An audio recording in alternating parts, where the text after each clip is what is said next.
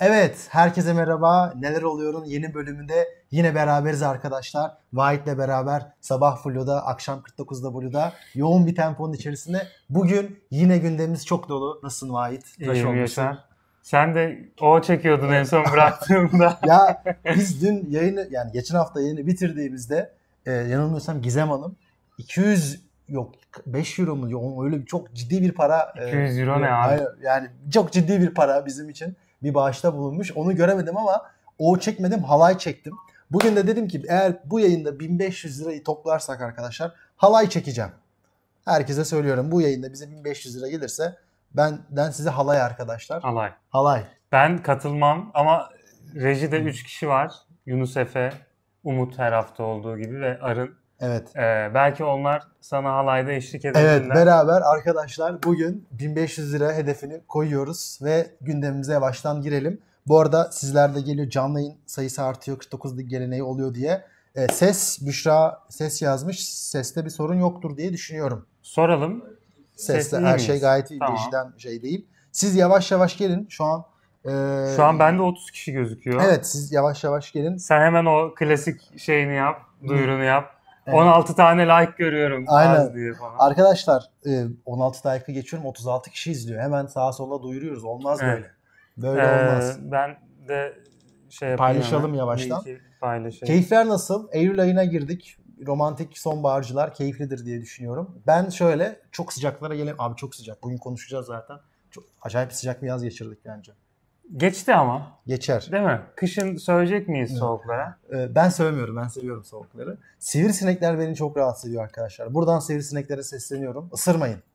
Şey, Artık ısırmayın. bu Birand'ın e, Sarkozy'ye seslendiği bir yayın vardı değil Evet. mi? Monsieur le Président diye başlayan. Ha. Fransızca konuşuyor. Şimdi senin de sivrisineklerle konuşmak Evet, için. ben sivrisinek dilinde size anlatacağım. Vallahi her yerim ısırıyor. Bu ne abi nedir bu böyle ya? Gerçekten. Ee, Bugün neler konuşacağız Yaşar? Bugün vallahi arkadaşlar yine gündemimiz çok yoğun.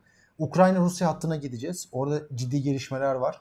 Ee, Kim Jong Putin'le görüşebilir. Bunu konuşacağız. Vahit bize tahıl koridorunu anlatacak. Elon Musk savaştan bir şekilde çok önemli bir yerde çıktı. Geçen hafta biyografisi yayınlandı. Starlink'in savaşa müthiş bir e, etkisi oluyormuş. Bunu konuşacağız. Ardından e, Çin'i ve Hindistan'ı konuşacağız. Geçen hafta söylemiştik zaten. Hindistan'da G20 var. G20 çok önemli bir mesele. G8'in aksine dünyadaki çoğu gelişmekte olan ülkenin katıldığı ve birçok problemin konuşulduğu bir nokta. G20'yi konuşacağız ve Xi Jinping, Çin Devlet Başkanı katılmaktan vazgeçti. İkinci ismi gönderecek. Neden katılmaktan vazgeçti bunu konuşacağız. Üçüncü haberimiz Almanya'ya gideceğiz. Almanya'da AFD %23'e ulaştı. Yani çok büyük bir rakam. Bu nasıl diyeyim?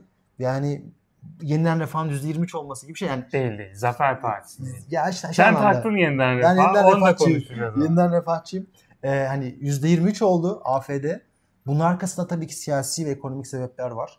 AFD'nin belli toplumun belli bir kesimine seslenebilmesi ve merkez Alman partilerinin bir konudaki beceriksizlikleri var. Bunu konuşacağız. Buradan geçen hafta bir paper yayınlandı. Ona bağlayacağız. Akademik paper yayınlandı. The Political Cost of Austerity diye. Dördüncü haberimiz Afrika'ya gidiyoruz. Size dünyanın her yerini gezdiriyoruz. Rusya, Çin, Almanya, Afrika. Lagos, Nijerya Lagos'ta bir tren açıldı ama tabii ki tren hikayesi de önemli ama treni yapan şirket Çinli. Evet. Bize belki ait bize Çin'in Afrika'daki müdahalesinden, ekonomik e, gücünden, projelerinden bahsedecek ve son haberimiz Arizona'ya gideceğiz. Arizona'daki sıcak hava dalgaları ama tabii sadece Amerika ile ilgili değil. Tüm dünyayı etkisi altına alan sıcak hava ve soğuk hava dalgaları ve bunun şehirlerle ilgili şehir konsepti, şehir altyapılarına nasıl etki verdiği. Yani uluslararası ilişkiler, ekonomi, demografi, siyaset, iklim krizi, e, altyapı her şey bugün gündemimizde. Evet. Ama bir aşure değil. Hepsi değerli toplu. İlk Evet. haberle başlayalım. Yavaştan başlayalım. Bu arada yir- ne olmuş? 20 49W üyeliği gelmiş oyuncuya haberden. Çok teşekkür ederiz. Ben bunun tam karşılığını bilemiyorum. Nedir bu tam karşılığı ama güzel bir şey diye e, düşünüyorum. Vallahi Ya ben şöyle chatte renkli bir şey görüyorsan o iyi bir şey. iyi bir şeydir. Evet. Bir boomer olarak mevzuya Ee, yaklaşımım bu. müthiş 20 kişi hediye. Valla e, müthiş yani. Çok teşekkür ederiz oyuncuya haberden. Eski TV Apple Çin'i yasakladı. Yani e, Apple'ı Çin yasakladı. O nasıl tam tersi şey olmuş ya. Çin Çin Apple'ı yasakladı kardeşim öyle yazsana. Ee, kızıyorum ben de niye kızıyorsam. Şey yani. Yalçın Küçük'e Aynen bağlı. öyle yazmış olabilir yani değil mi? Öyle adam, Evet. adam belki öyle. Ee, Çin evet yasakladı. Belki onu haftaya konuşuruz. Hı hı. Ee, bakalım Fransa'daki abiye konusu Berat bunu geçen hafta uzun uzun konuştuk zaten.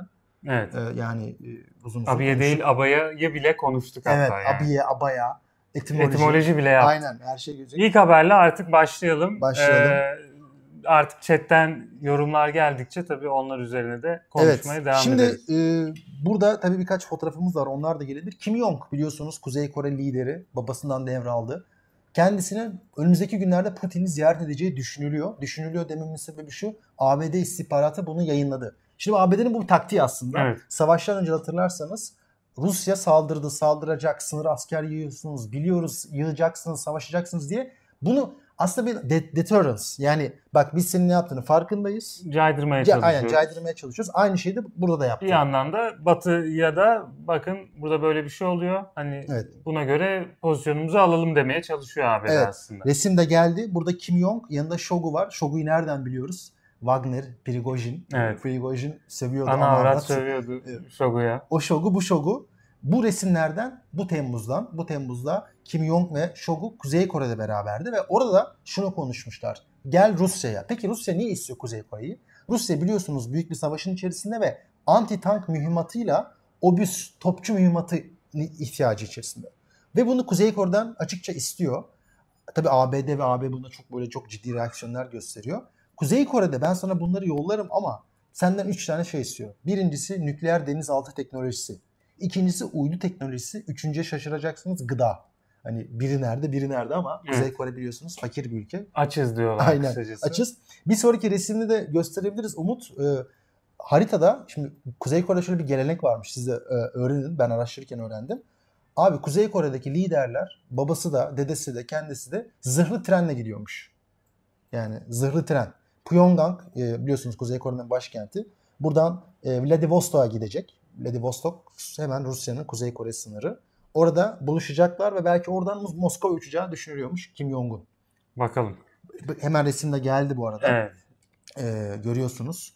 E, Vladivostok ve Pyongyang ne kadar birbirlerine sınır e, komşu. Şimdi bir yandan Kuzey Kore'nin Rusya ile yapacağı toplantıdan bahsederken bu haftada ne oldu? Erdoğan'la Putin görüştü. Erdoğan-Putin görüşmesinde Tahıl Koridoru Anlaşması'nın tekrardan yürürlüğe girmesine dair bir beklenti vardı. En azından Erdoğan hani büyük bir adım e, açıklamayı bekliyoruz demişti toplantı öncesinde ama beklenen herhangi bir ilerleme kaydedilemedi. Burada şu önemli.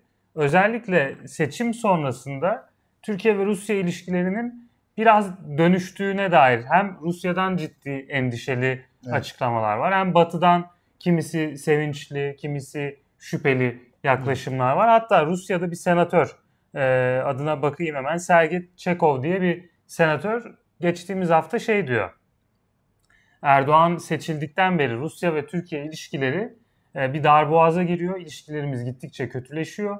Bu görüşmede bunun da ele alınması gerekiyor diyor. Peki niye böyle bir ilişkide e, kötüleşme mi diyelim artık bir dalgalı bir deniz durumu var? Hı hı. Birkaç başlık özetleyebiliriz aslında. İlki İsveç'in NATO üyeliğine Türkiye'nin daha önce e, koyduğu ne diyelim vetoyu geri çekmesi. Vilnius'taki zirvede e, söz konusu olmuştu bu. O sırada Biden ve Erdoğan arasında bir görüşme gerçekleşmişti. Hı hı. Erdoğan Ukrayna'ya desteğini o tarihten bu yana açıktan göstermeye başladı. Evet. Ki daha öncesinde de hani Bayraktar İHA'ları üzerinden e, Türkiye'nin Ukrayna'ya destek verdiği konuşulurdu. Hı hı. Ama Türkiye her zaman resmi pozisyonunu tarafsız bir yerde tutmaya çalıştı. Hala e, Türkiye resmi dil olarak tarafsız gözükmeye çalışıyor ama gerek e, açıktan Ukrayna'ya dair e, destek sayılabilecek cümlelerin kurması gerek işte Volodymyr Zelenski ile Erdoğan'ın buluşması Ruslar ona çok tepkiyle karşılaştı. Çok. Evet. ee, ama iki tane büyük olay var. Bu iki büyük olay aslında Rusların asıl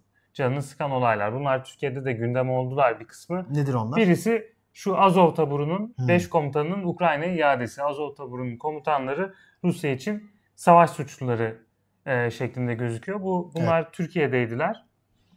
Türkiye bunları Ukrayna'ya iade etti normalde. Tabii. Aralarında böyle bir anlaşma vardı Rusya'yla. Ki bu Azov Ee, tavır biliyorsunuz Rusya'nın bu Nazi söyleminin Evet. tam merkezindeki olan. Tabii tabii. Yani Ukrayna'da Naziler var ve biz Rus kardeşlerimizi o Nazilerden kurtaracağız söyleminin karşılığı bu insanlar. Sırf bunu söyledik diye bile şimdi YouTube bize şey yapacak. Ee, YouTube reklam vermekten vazgeçecek. Bakalım ya. Şimdi e, açıklamalara bir şey yazmazsak gelmez diyorum. Bu da benim teorim.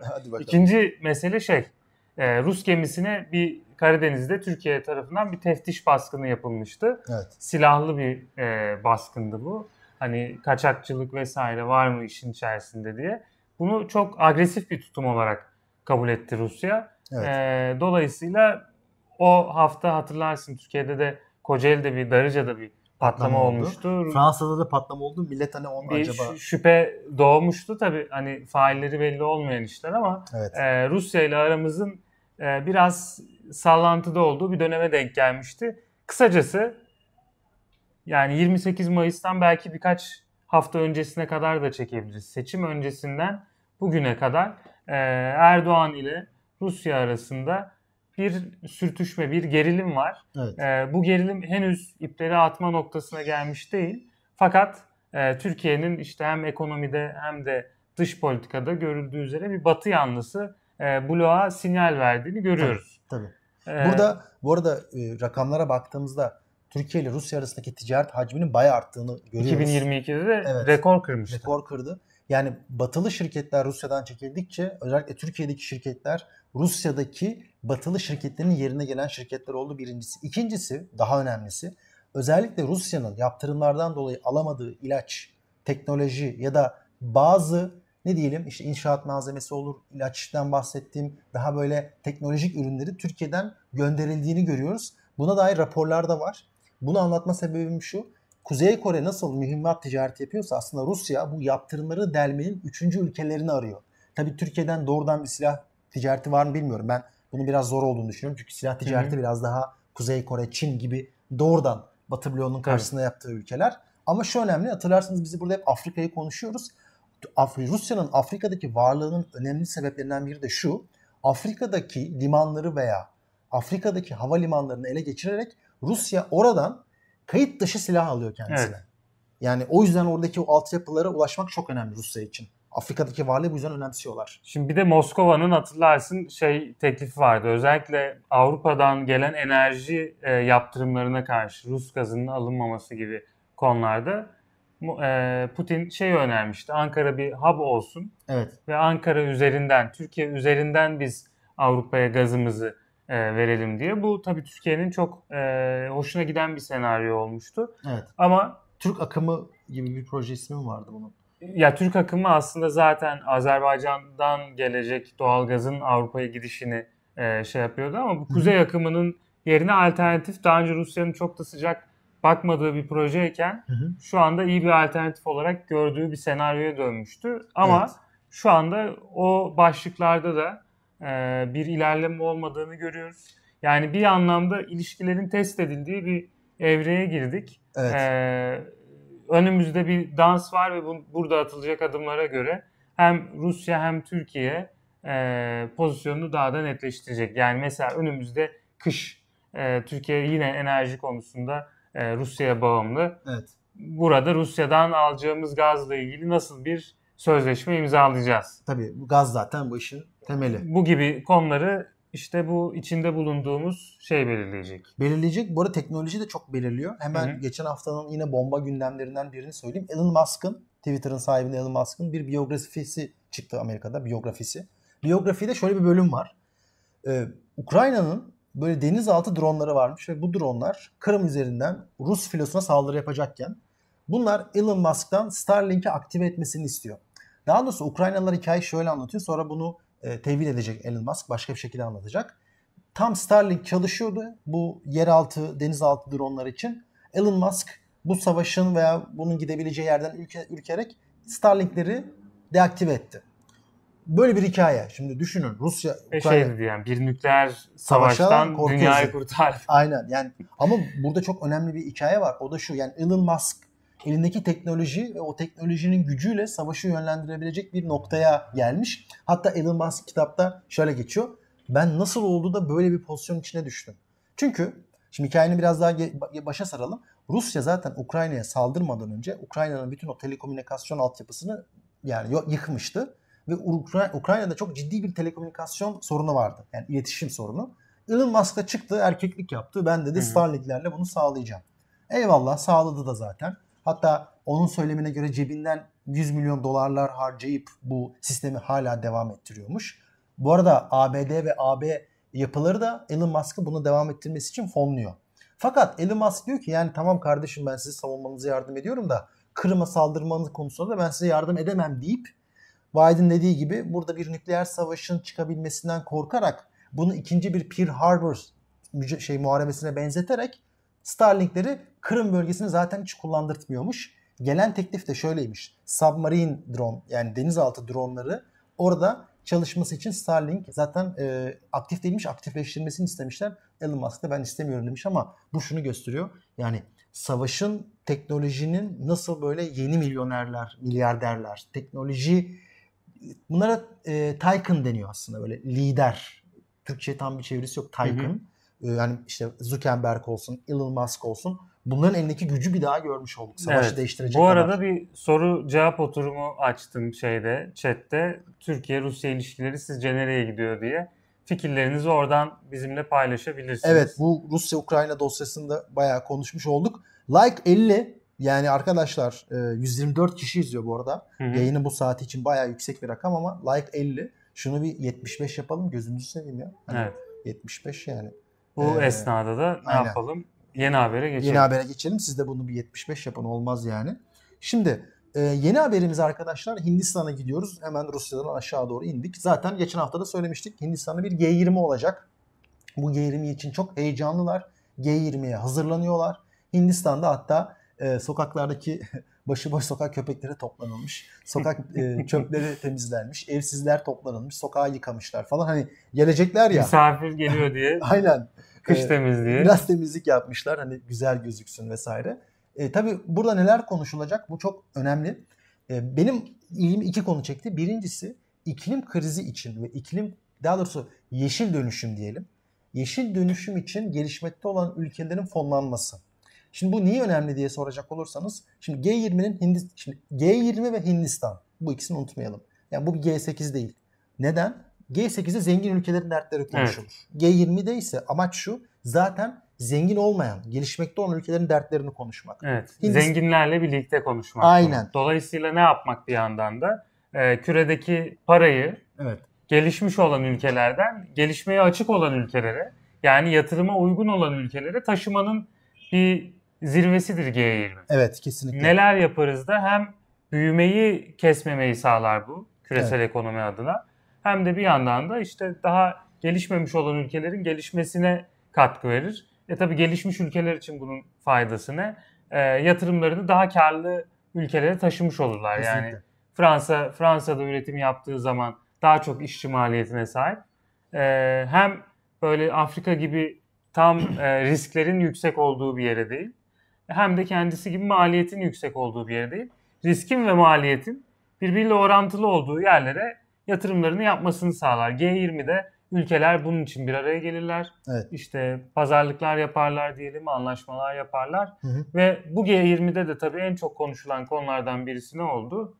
Ee, yani henüz şey olmasa bile hı hı. E, yeşil dönüşüm. Yeşil dönüşüm kesinlikle. Hala gelişmekte olan ülkeler için gelişmiş ülkelerden hani sokak tabiriyle konuşuyorum mazur görün. Para koparmanın yolu. evet. Gönüllü bir para koparma tabii bu.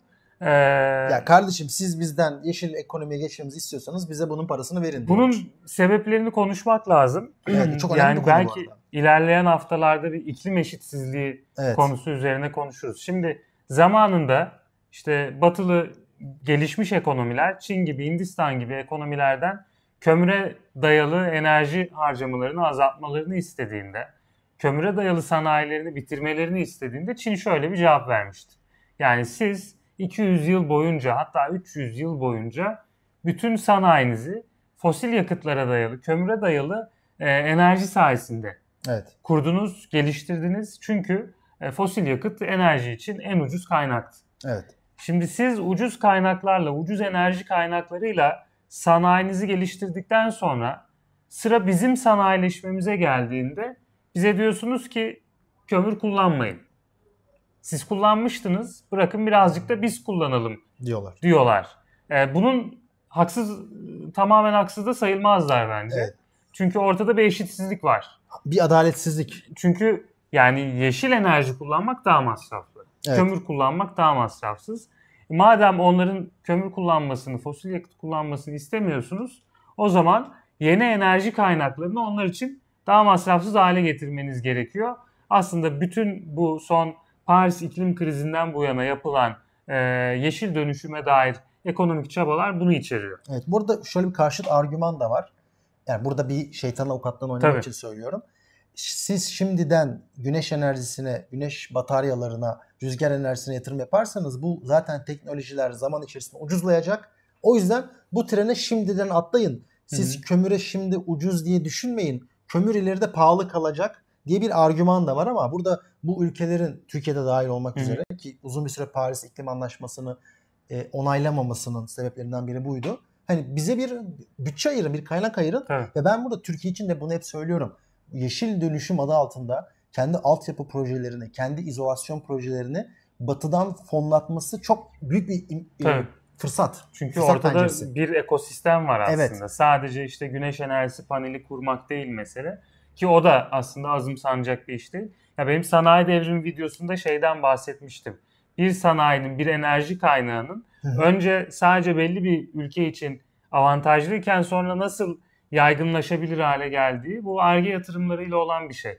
Hı hı. Dolayısıyla şu anda bu ARGE yatırımları için kaynak üretimi, kaynak aktarımı söz konusu ve bu dediğin gibi ilerleyen yıllarda e, yeşil enerji için diğer ülkelerin de kullanması avantajlı bir hale gelecek. Ki Evet. biz hatırlarsın 2 ya da 3 hafta önce Çin'in e, yenilenebilir enerji konusunda nasıl Çok büyük e, dünyada e, bir anda sıçrama yaptığını konuşmuştuk. Orada da şeyden bahsetmiştik. Çin kendi eski fosil temelli enerji üretim araçlarını Hı hı. e, başka ülkelere kaydırıyor. Evet. Afrika'ya kaydırıyor işte ne bileyim Güneydoğu Asya ülkelerine kaydırıyor. Pakistan'a Evet. kaydırıyor mesela özellikle ve kendisinde daha Dışsallaştırıyor bunu. evet ya çünkü üretmiş abi o makineyi ne yapsın çöpe mi atsın Evet. hurdaya atacağına e, Kenya'ya veriyor Pakistan'a veriyor Evet. vesaire. Ve günün sonunda da ne oluyor? Kendisindeki enerji kaynaklarını daha yeşil enerjiye uygun şekilde Evet. dönüştürmüş Bu oluyor. sen mesela Çin'in teknolojisinden bahsettin. BYD diye bir araba markası var. Otomobil takip eden Hı hı. izleyicilerimiz bilir. Yani ben bugün ekonomiste okurken şunu gördüm. İşte 10 yıl sonra BYD bütün piyasayı domine edecek. 10 yıl sonra elektrikli arabanız BYD'ye ait olacak. Şu an Türkiye'de çok yaygın bir marka değil ama özellikle Tesla'ya rakip oldu. Hı. Ee, elektrikli araç satışı konusunda çok yüksek rakamlara sahip. Dediğin gibi Çin'in e, özellikle bu ye- yeni yenilenebilir enerji yatırımlarının incelenmesi lazım. G20'nin ikinci konusu da var dedim. İkinci konuyu da size söyleyeyim. Arkadaşlar pandemiden beri gelişmekte olan ülkeler çok ciddi borçlandı. Neden borçlandı biliyoruz. Pandemiden dolayı bütün ülkeler harcama yaptı. Çok kısa bir e, küresel piyasalar mantığını size söyleyeyim. Bu esnada gelişmek, şöyle diyelim, gelişmiş ülkeler faizleri arttırdığı için gelişmekte olan ülkelere daha az para gidiyor. Hı hı. Neden? Çünkü Amerika'da eğer faiz artarsa, Fransa'da faiz artarsa siz bir yatırımcı olarak Türkiye'ye, Arjantin'e veya Hindistan'a gitme eğiliminiz azalır. Çok kısa mantığı bu. Çünkü zaten bu gelişmiş ülkelerde size yüksek faiz gelirleri üretiyor. Bu ne oldu? Hem pandemiden dolayı bu ülkeler borçlandı. Gelişmekte olan ülkeler Hindistan'ı, Çin'i, Türkiye'si vesaire, e, Arjantin'i ve aynı zamanda daha az para bulabilir hale geldiler. O yüzden Hindistan yine G20 hikayesiyle yani gelişmekte olan ülkelerin derdini konuşuyoruz ya muhabbet.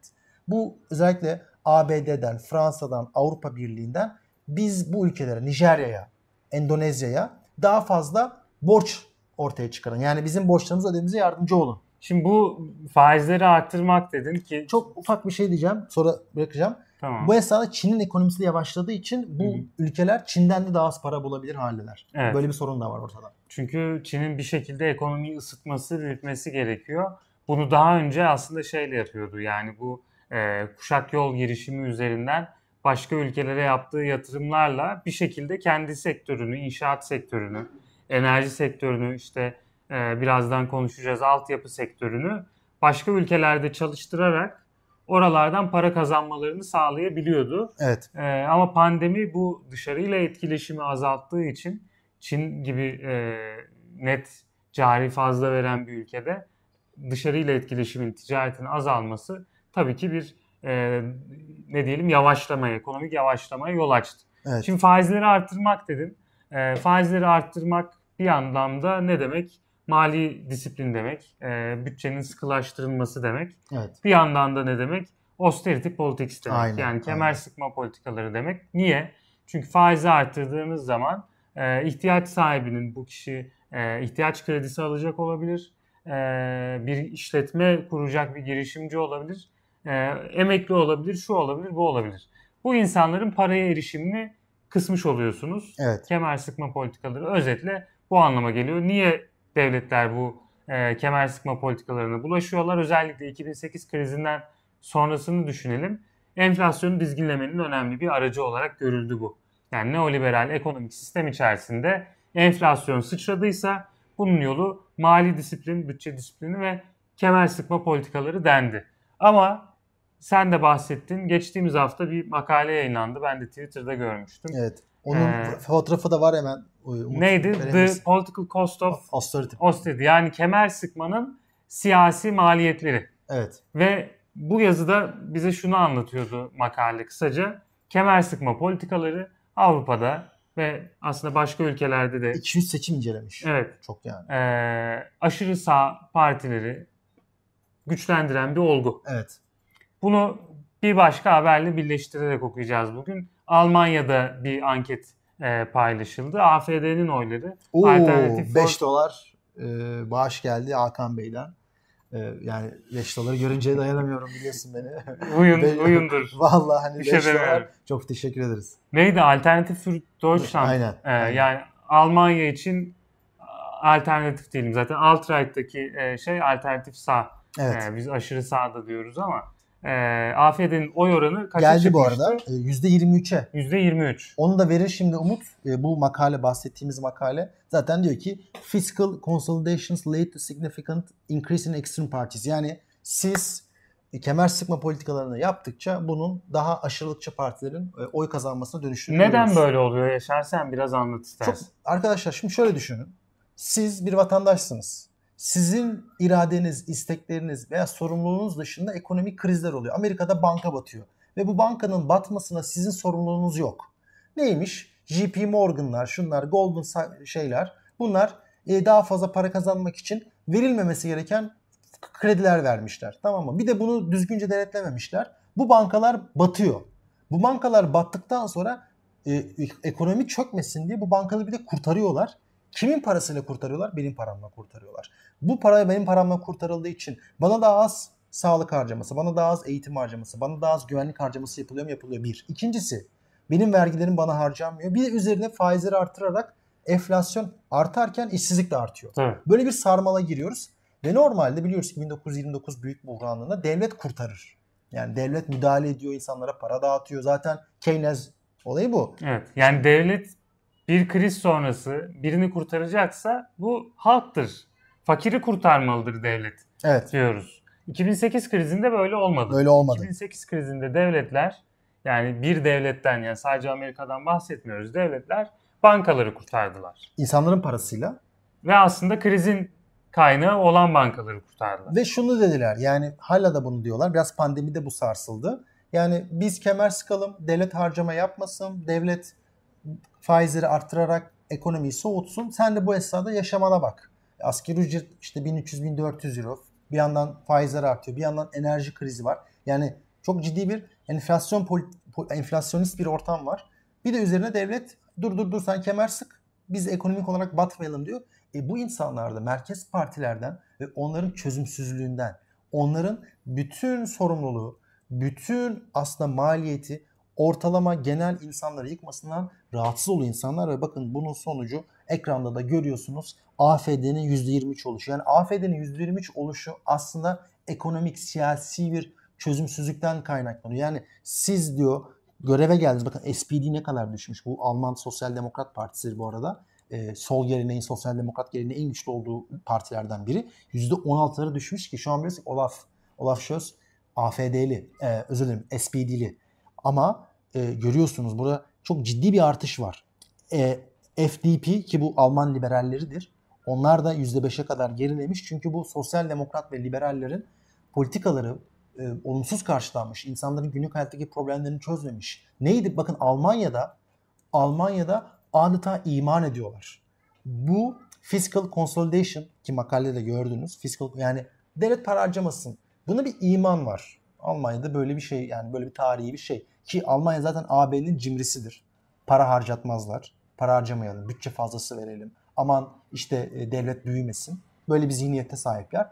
E, bu zihniyet aslında Almanya'daki ekonomik eşitsizliği ve refahsızlığı da besliyor. Beslediği için de bakın bu nereden çıkıyor? AFD gibi partilerin ekstrem sistemi eleştiren. Ya diyor ki bak bu politikacılar sizi düşünmüyor. Ve ekstrem partiler yükseliyor. Evet bir yorum gördüm şimdi. Anlat bakalım solcu kardeşim AFD neden faşisttir diye. Burada asıl derdimiz AFD'nin niye aşırı sağ olduğu ya da ne bileyim işte kötücül bir parti olduğu meselesi değil. Ağzınızı çıkmadı bile. Evet. Yani çıkmadı burada asıl bile. mevzumuz şu. Sistem yarattığı sorunlara cevap verebilecek e, adımları at, atmıyor. Yani evet. ya bunları atmaya kapasitesi yok ya da başka bir körlüğün içerisinde. Bizim evet. anlattığımız bu körlük. Bu körlükte ne? İşte kaç kere tekrarlamakla dilimizde tüy bitti. E, neoliberal bir ezber var. Bu ezberde enflasyon diye bir sorunun varsa bunu e, ne pahasına olursa olsun faizi artırarak çözmen gerektiği evet. ezberi ve bunun maliyetini yoksullar üstleniyor, geniş halk kitleleri üstleniyor. E, bu krizi çıkartanlar üstlenmiyor.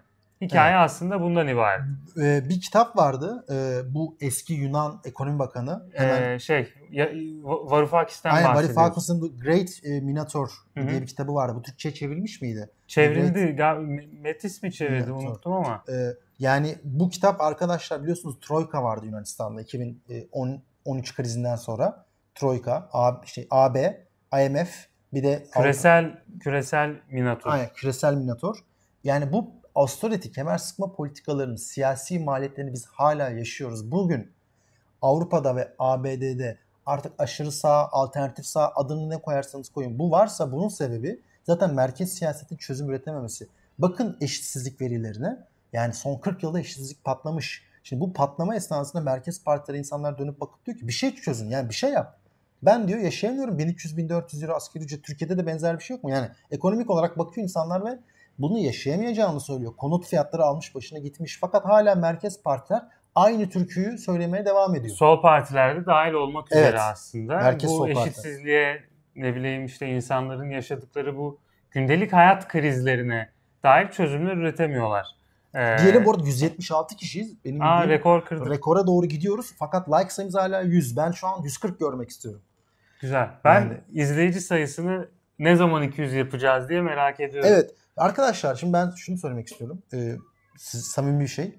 Burada küresel dünya gündemi yorumlamakta ben çok mutluyum. Yani gerçekten bu program hazırlanırken de aslında zaten takip ediyordum ama bir de ekstra hani sizin karşınıza çıkacağız, anlatacağız ve dünyayı takip ediyoruz. Beni çok mutlu ediyor.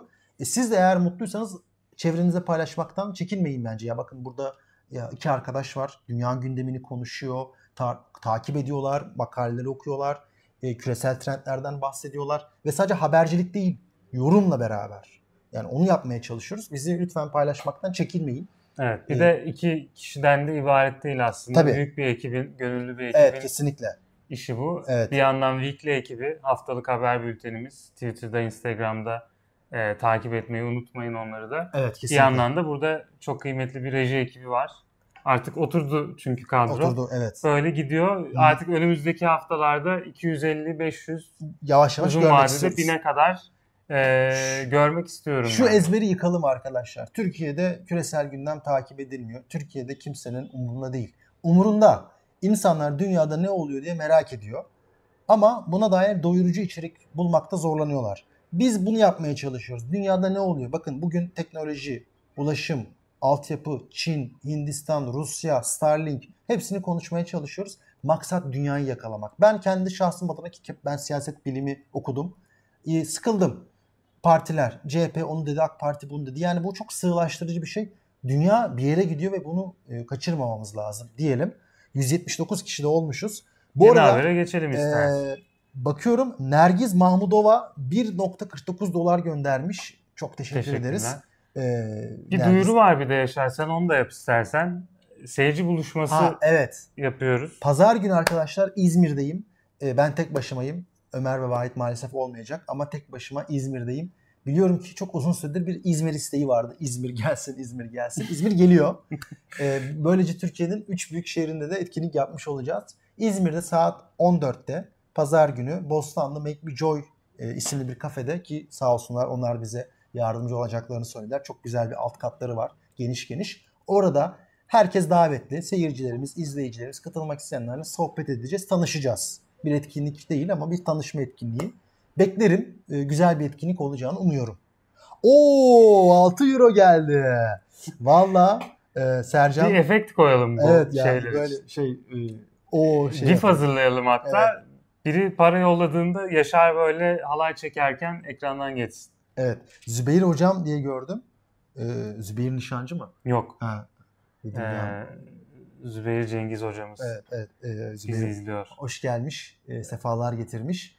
Devam Nereden edelim. devam edelim? Artık yeni habere geçelim. e, Şu iklim krizi, sıcak hava dalgaları Şey, haberi tren, geçelim. tren haberimiz var. Aa evet. Tren Afrika'nın haberi. ilk metrosu diye konuşuluyordu ama Ee, ilk de mi? değil. İlk değil ama e, 40 yıllık proje hayata geçmiş arkadaşlar. Şimdi tabii bu haber benim çok hoşuma gitti. tabii. Onun da bir görseli var şimdi gelir. Ben de Dünya Ekonomik Forumu'nu Instagram'dan takip ediyorum. Orada da gördüm. Lagos kenti, Nijerya'nın Lagos kentinde tren projesi Blue Line, mavi Hı hı. tren, mavi hat hayata geçmiş. Ben de araştırdım. Çok ilginç şeyler ortaya çıktı. Yani Lagos kenti 20 milyonluk bir kentmiş. Evet. Nijerya bu arada çok büyük bir ekonomi. Evet. Yani Türkiye'ye yakın bir ekonomik büyüklüğü var. Ee, Afrika'daki de en e, büyük ekonomilerden birisi Güney Afrika ile birlikte. Evet. Yani öyle azımsanacak, küçümsenecek bir ülkede değiller. Yani önümüzdeki 10 15 sene içerisinde 25 milyon nüfusa oluş yani e, büyümesi hedefleniyor. Öyle tahmin ediliyor daha doğrusu. Ve bakın Afrika hep söylüyoruz çok büyüyen, çok hızlı büyüyen bir kıta. Bu Lagos 25 milyondan bahsediyoruz. Bu hat yani tahminen 500 bin kişiye hizmet verecekmiş. Az buz bir rakam Tabii. değil. Ve e, Lagos'ta çok büyük bir trafik problemi varmış arkadaşlar. Yani Bayağı İstanbul'da yaşayanlar tahmin edebilir aslında. aynen. 20 milyonluk iki şehri kıyaslayın. Lagos'ta ilk kez bir metro evet. geliyor. Evet Lagos'ta e, Nijerya'nın Lagos kentinde ilk kez bir metro geliyor ve bakın e, yerel halk böyle röportaj yapmış. Yani birini davet ediyoruz. Kaç saat içine geleceğini söyleyemiyorduk, tahmin edemiyorduk. Acayip bir trafik vardı. Ama şimdi hop 15 dakikada şehrin bir ucundan bir ucuna gidiyor insanlar diyor. Ahmet Hamdi'nin çok sevdiğimiz kitabı Saatleri Ayarlama Enstitüsü'nde bu çok konuşulur. Dakiklik yani vakit modernleşmenin en önemli göstergelerinden birisi. Evet. Yani çağdaşlaşma dediğimiz hikaye özellikle işte Japonya gibi toplumlarda da hep o dakiklik üzerinden konuşulmuştur. Bu dakikliğin de en iyi göstergesi trendir. Evet. Tren ve metrodur. Çünkü yani bilenler bilir. TCD'de de buna dahildir. Ee, tren dediğin tam dakikası geldiğinde kalkar. Evet. Ne bir dakika önce ne bir dakika sonra. Şimdi diyeceksiniz Hindistan'da öyle değil ya da Paris'te öyle değil diyeceksiniz. Paris kezinde haklılar ama e, modernleşen toplumlarda demiryolunun böyle bir önemi Kesinlikle. var. Evet. Yani arada- hem zaman yönetimi evet. hem de e, ulaşım konusunda modernleşmeyi şöyle ölçenler var. Şehirlere, meydanlarına dikilen saatler, o saatler niye konuluyor? Hani herkes baksın ve kendi planını zamanına göre ayarlasın. Hani orada ortak bir saat var. Evet. O sonra bir noktada şehir meydanından gelip senin koluna indi. Şimdi de telefonlarımızda yani sürekli saat. Halit Ayarcı'nın Aynen. bu şadı olsun. Evet, Kim yapmış ama bu şeyi? Evet. Çok burada çok bizi bambaşka bir yere götürecek. Çin'in Çin'in bir projesi. Çin Commercial Afrika'ya çok ciddi yatırımlar yapıyordu zaten. Yani Evet. yaklaşık 10 yıldır, 11 yıldır e, Afrika'da Kenya'dan başladılar. Orada da bir tren hattıyla başlamıştı ve sonrasında da gerek yer, yeraltı zenginlikleri, maden işletmeleri vesaire gerekse böyle altyapı yatırımları Çin Afrika'da böyle altyapı yatırımlarının herhalde öncüsü ülke Evet. sayılabilir. Yani Evet. Türkiye de kalkınma yatırımları yapıyor mesela Doğu Afrika'daki ülkeler ama Hı hı. Çin'le kıyaslayabileceğimiz bir ekonomik büyüklüğü yok. Evet. E, Batı ülkeleri dediğimiz Afrika'dan yavaş yavaş çekiliyorlar. Çünkü ya onlar kendi rızalarıyla çekilmese bile artık kovulmaya başladılar. Evet. E, bu da önemli bir gösterge. Rusya ise e, klasik eski tip bir batılı devlet gibi Afrika'da daha ziyade sömürgü ilişkilerine Evet, girmiş güvenlik durumda. ve sömürge. Güvenlik üzerinden yeraltı zenginliklerini e, nasıl paylaşırım derdine düşmüş durumda. Çin'in Rusya'dan farkı şu. Çin daha önce de konuştuk. Askeri anlamda Afrika'da güçlü bir varlığa sahip değil. Evet. Birkaç birkaç sene önce Cibuti'de bir askeri kamp kurdular sadece. Onun dışında Çin'in Afrika'da askeri bir varlığı bulunmuyor. Evet. Rusya'nın aksine ama Çin de ekonomik varlığıyla Afrika'da e, en büyük güçlerden birisi olmaya başladı ve muhtemelen yakın zamanda tartışması en büyük güç olarak da herkes tarafından kabul edilecek. Evet yani burada Çin'in Nijerya ayrı bir e, önem atfettiğini de görüyoruz. Lagos'taki bu treni yapmasından. E, Somali'de ve Etiyopya'da belli limanlar ve barajlar yapıyor. Biz bunu aslında Belt and Road Initiative yani Evet. kuşak ve yol girişimi olarak adlandırdık. Çin'in hem bir soft hem de bir hard power olarak dünyada dünya sahnesinde kendisini var etme aracı ve Afrika Çin'in aslında burada önemli e, Afrika için biri. Çin'in Çin'i diyorlar Yaşar biliyor musun? Çin'in Çin'i. doğru. Evet. Yani Çin- Çin'i. nasıl ki zamanında batılı ekonomiler, gelişmiş ekonomiler ucuz iş gücü için Çin'e gittilerse Evet. şimdi Çin outsource etmek için kendi e, üretim zincirini diyelim e, Afrika'ya yatırımlar yapıyor. Üretimlerini Afrika'da yaptırıyor. Çünkü artık Çin'de e, emeğin maliyeti artmış artıyor. durumda. Artıyor evet. Her geçen sene daha da artıyor. E, Afrika'da ise hala çok geniş bir iş gücü piyasası var. Çok Evet. genç bir nüfus var. Çok büyük Ee, potansiyel var. Yani. Büyük potansiyel her her ülke için. Aynen, aynen. Hindistan büyük Evet, potansiyel. evet. Afrika büyük Afrika bu arada 50 tane ülke var Afrika'da. Yani e, aslında Avrupa Birliği'ni düşün. Oradan daha fazla ülkeye sahip Afrika. Evet. E, ve biz o ülkeleri tek tek tanımak yerine bir tane Afrika varmış e, kara kıta diye böyle çok üstün körü genellemeler yapıyoruz. E, ama tahmin ediyorum Türkiye kamuoyu da yakın zamanda e, Afrika'yı daha yakından tanımaya e, başladı ve bu e, umarım daha da güçlenerek devam edecektir Türkiye'de çünkü Afrika'ya yönelik ilgi iktisadi anlamda vardı uzun zamandır. evet. Yani 2000'li yılların başından beri Türkiye Afrika'ya ciddi yatırımlar yapmaya çalışıyor. Kendi ekonomik e, istikrarı el verdiği ölçüde. Bu tabii 2014'ten bu yana kesildi. Türkiye'nin ekonomik gücünün zayıflamasından sonra Afrika'daki ekonomik yatırımlarımız azaldı, kalkınma yatırımlarımız azaldı. Ama bunun yerine diplomasiye ağırlık verdik, askeri işbirliklerine ağırlık verdik. Muhtemelen önümüzdeki yıllarda da yine hem ekonomimizin hem de dış politikamızın el verdiği ölçüde Afrika'da daha fazla bulunmaya çalışan bir güç olacağız. O yüzden de yani uluslararası ilişkiler okuyorum, siyaset okuyorum abi nereye yoğunlaşayım diyenlere ben 1-2 yıldır Afrika'yı öneriyorum. Ee, Muhammed Çin'in iPhone yasağı hakkında ne düşünüyorsunuz demiş. Misilleme sonuçta Finlandiya'dan tutun Amerika'ya kadar birçok ülke Hu- Hu- Huawei'yi yasakladı. Evet, iki hafta önce şey konuşmuştuk hatırlarsan. Yani bu çip üretiminde e, Çin'e karşı bazı maddeleri e, ne bileyim Amerika'nın bazı şirketlere Çin'den madde almayın ya da Çin'e Evet. satış yapmayın. Daha çok satış yapmayın şeklinde yaptırımı vardı. Ki bunların arasında Apple'da vardı, Hı hı. işte Intel'de vardı. Evet. Ee, burada şunu görüyorum ben. Çin'in Apple'a yasak koyması ABD açısından yani o kadar da kötü algılanmış bir şey olmayabilir. Ama burada asıl sorun satış yasağında değil. Yani ortada bir küresel e, üretim ağı var. Bu küresel üretim ağı içerisinde, o küresel değer zincirleri içerisinde Apple'ı Çin olmadan nasıl üreteceksin? E, maliyetini nasıl? Apple'ın yani iPhone'un pazarının %20'si Çin'de. Evet. Yani büyük pazar da var Çin'de. Ama şimdi ben dün bir video izliyordum. Ee, çok iyi de bir kanal. Şimdi e, ismini bir başka bir videoda vereyim. Hı hı. Hatırlayamadığım için şimdi oraya takılmayalım. Bu internet kablolarını biliyorsunuz arkadaşlar. Yani Atlantik'ten Avrupa'ya, Atlantik'ten Türkiye'ye kadar gelen okyanusun altındaki kablolar. Bu kablolarda işte bundan birkaç sene önce Edward Snowden hatırlıyorsanız kendisi bazı gizli verileri ortaya çıkarmıştı ve açığa çıkmıştı ki NSA Hı hı. e, National Security e, Agency neydi? Surveillance Agency. Neyse NSA'yı biliyorsunuz. E, bu CIA gibi bir kurum. Bu internet kablolarına bazı e, track yani bunları izliyormuş. Hı hı. Ve bu öyle bir izleme ki internetten telefona kadar bütün verilerinize ulaşıyor ve gerçekten gerçek zamanlı sizi takip edebiliyor. Ve ama bütün ülkelerin. Şimdi bu ortaya çıktıktan sonra Çin ne yaptı tabii ki?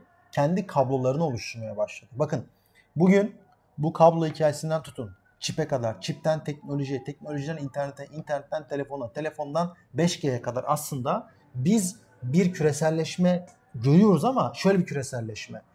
Kendi alanları olan mesela Çin'in kendi etki alanını düşünün. Evet. Buranın içerisinde bir küreselleşme var. Ve Çin'in teknoloji küreselleşmesiyle Amerika'nın teknoloji küreselleşmesi örtüşmüyor. Ya düşünün biz bugün internetten bahsediyoruz ama Çin kendi Facebook'unu kullanıyor, kendi Instagram'ını kullanıyor, kendi WhatsApp'ını kullanıyor, kendi Snapchat'ini kullanıyor. Yani biz e, böyle gruplaşan bir küreselleşme Evet. içerisindeyiz. Çin hatta buna dijital İpek yolu diye de bir isimlendirme koymuş. Yani Pakistan'ı düşün, Malezya'yı düşün. Ee, bu ülkelerin 5G altyapıları tamamen Çin kontrolünde ve Çin hani buradaki iletişim ağları üzerinden de e, hem yumuşak gücünü hem hard power'ını e, yükseltmeyi umuyor. Bu arada az önce yaptığımız anketin sonuçları geldi Yaşar. Evet. Biz bu kadar kemer sıkma politikaları gömdük. Vallahi gömdük Ee, ama halkımız faydalıdır dedi. Ne Va- diyeceksin? vallahi şaşkınım. Yani Arkadaşlar e, aramız- ben bunu şöyle yorumladım. Enflasyondan o derece yılmış durumdayız ki e, kemer mi sıkıyoruz artık boğazımızı mı sıkıyorlar ne oluyorsa olsun da şu enflasyon bitsin diyor insanlar. Ben burada şöyle biraz farklı düşünüyorum.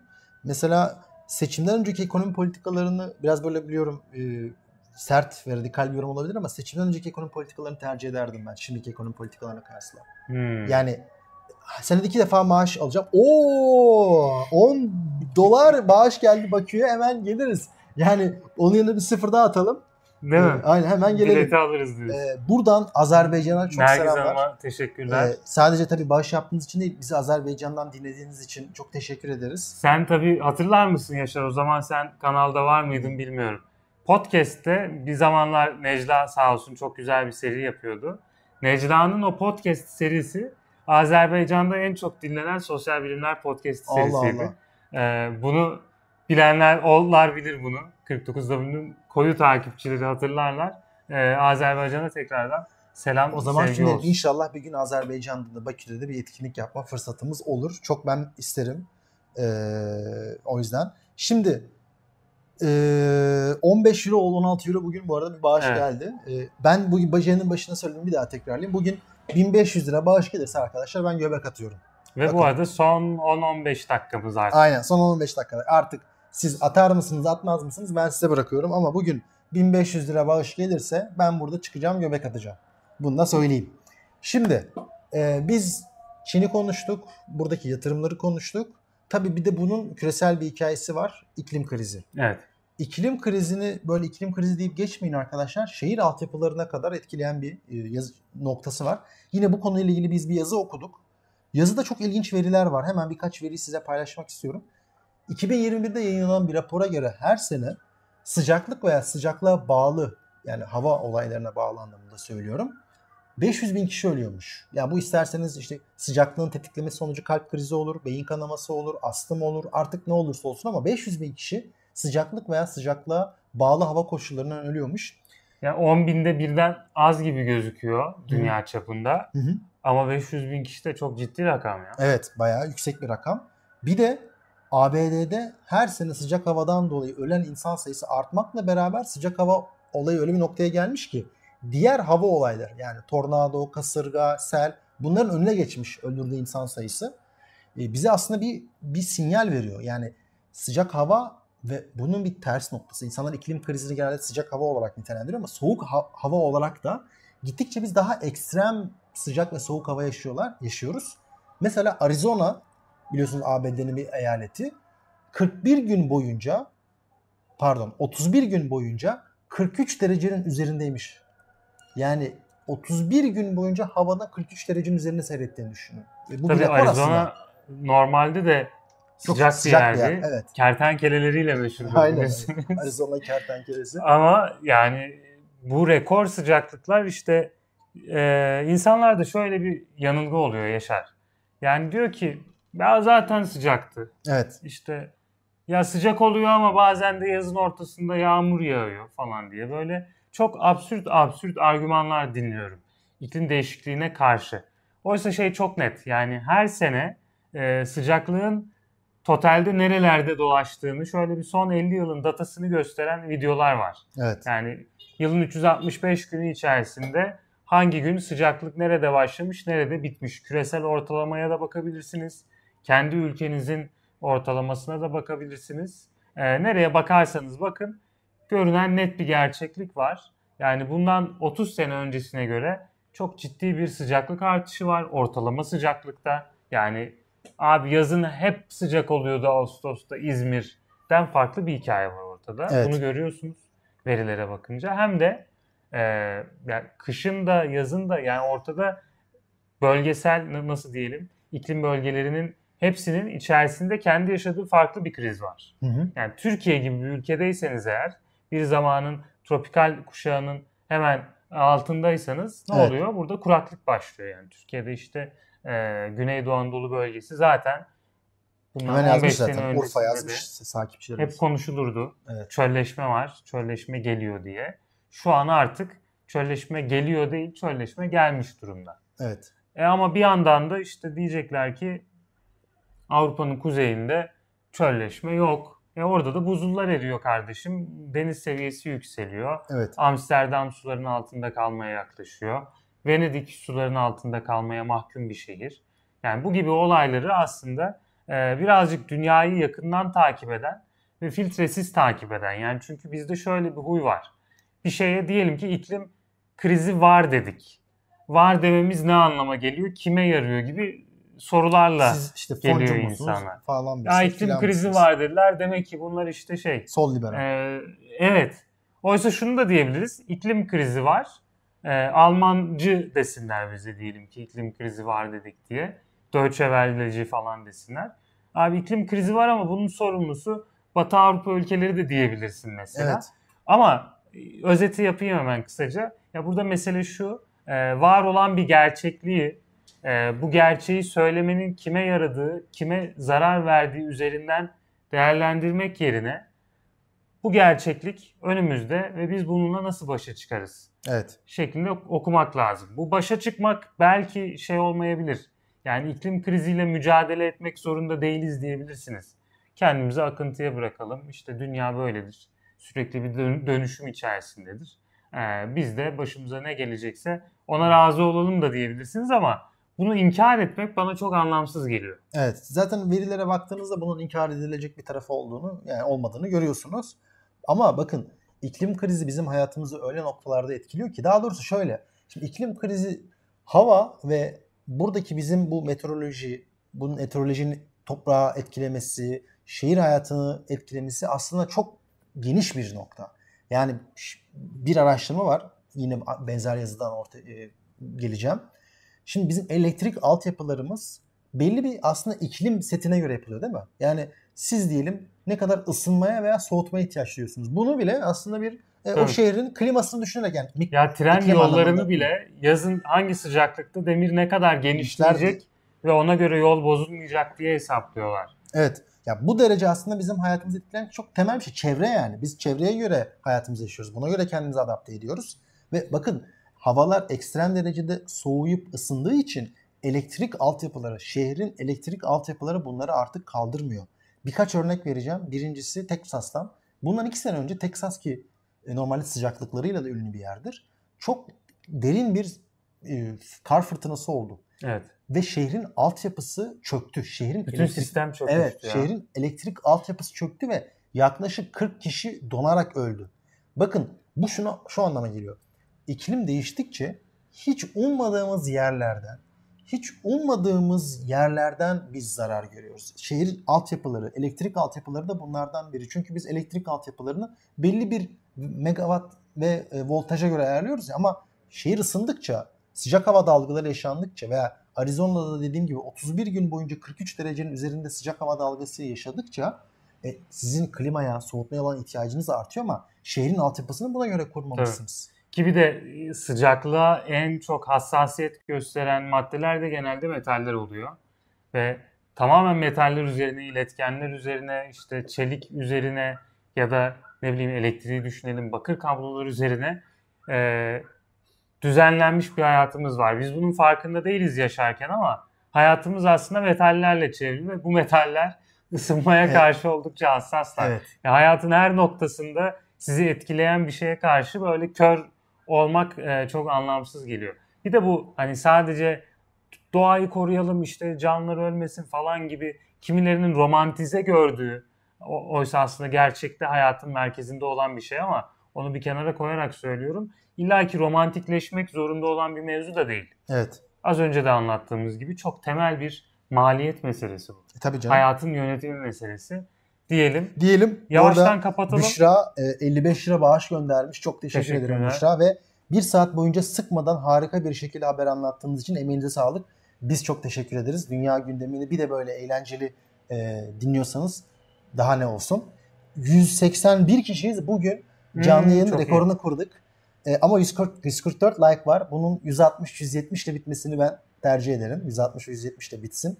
Girenler desin ki vay ne kaçırdık ya bir dahakine hemen canlı geleyim desin.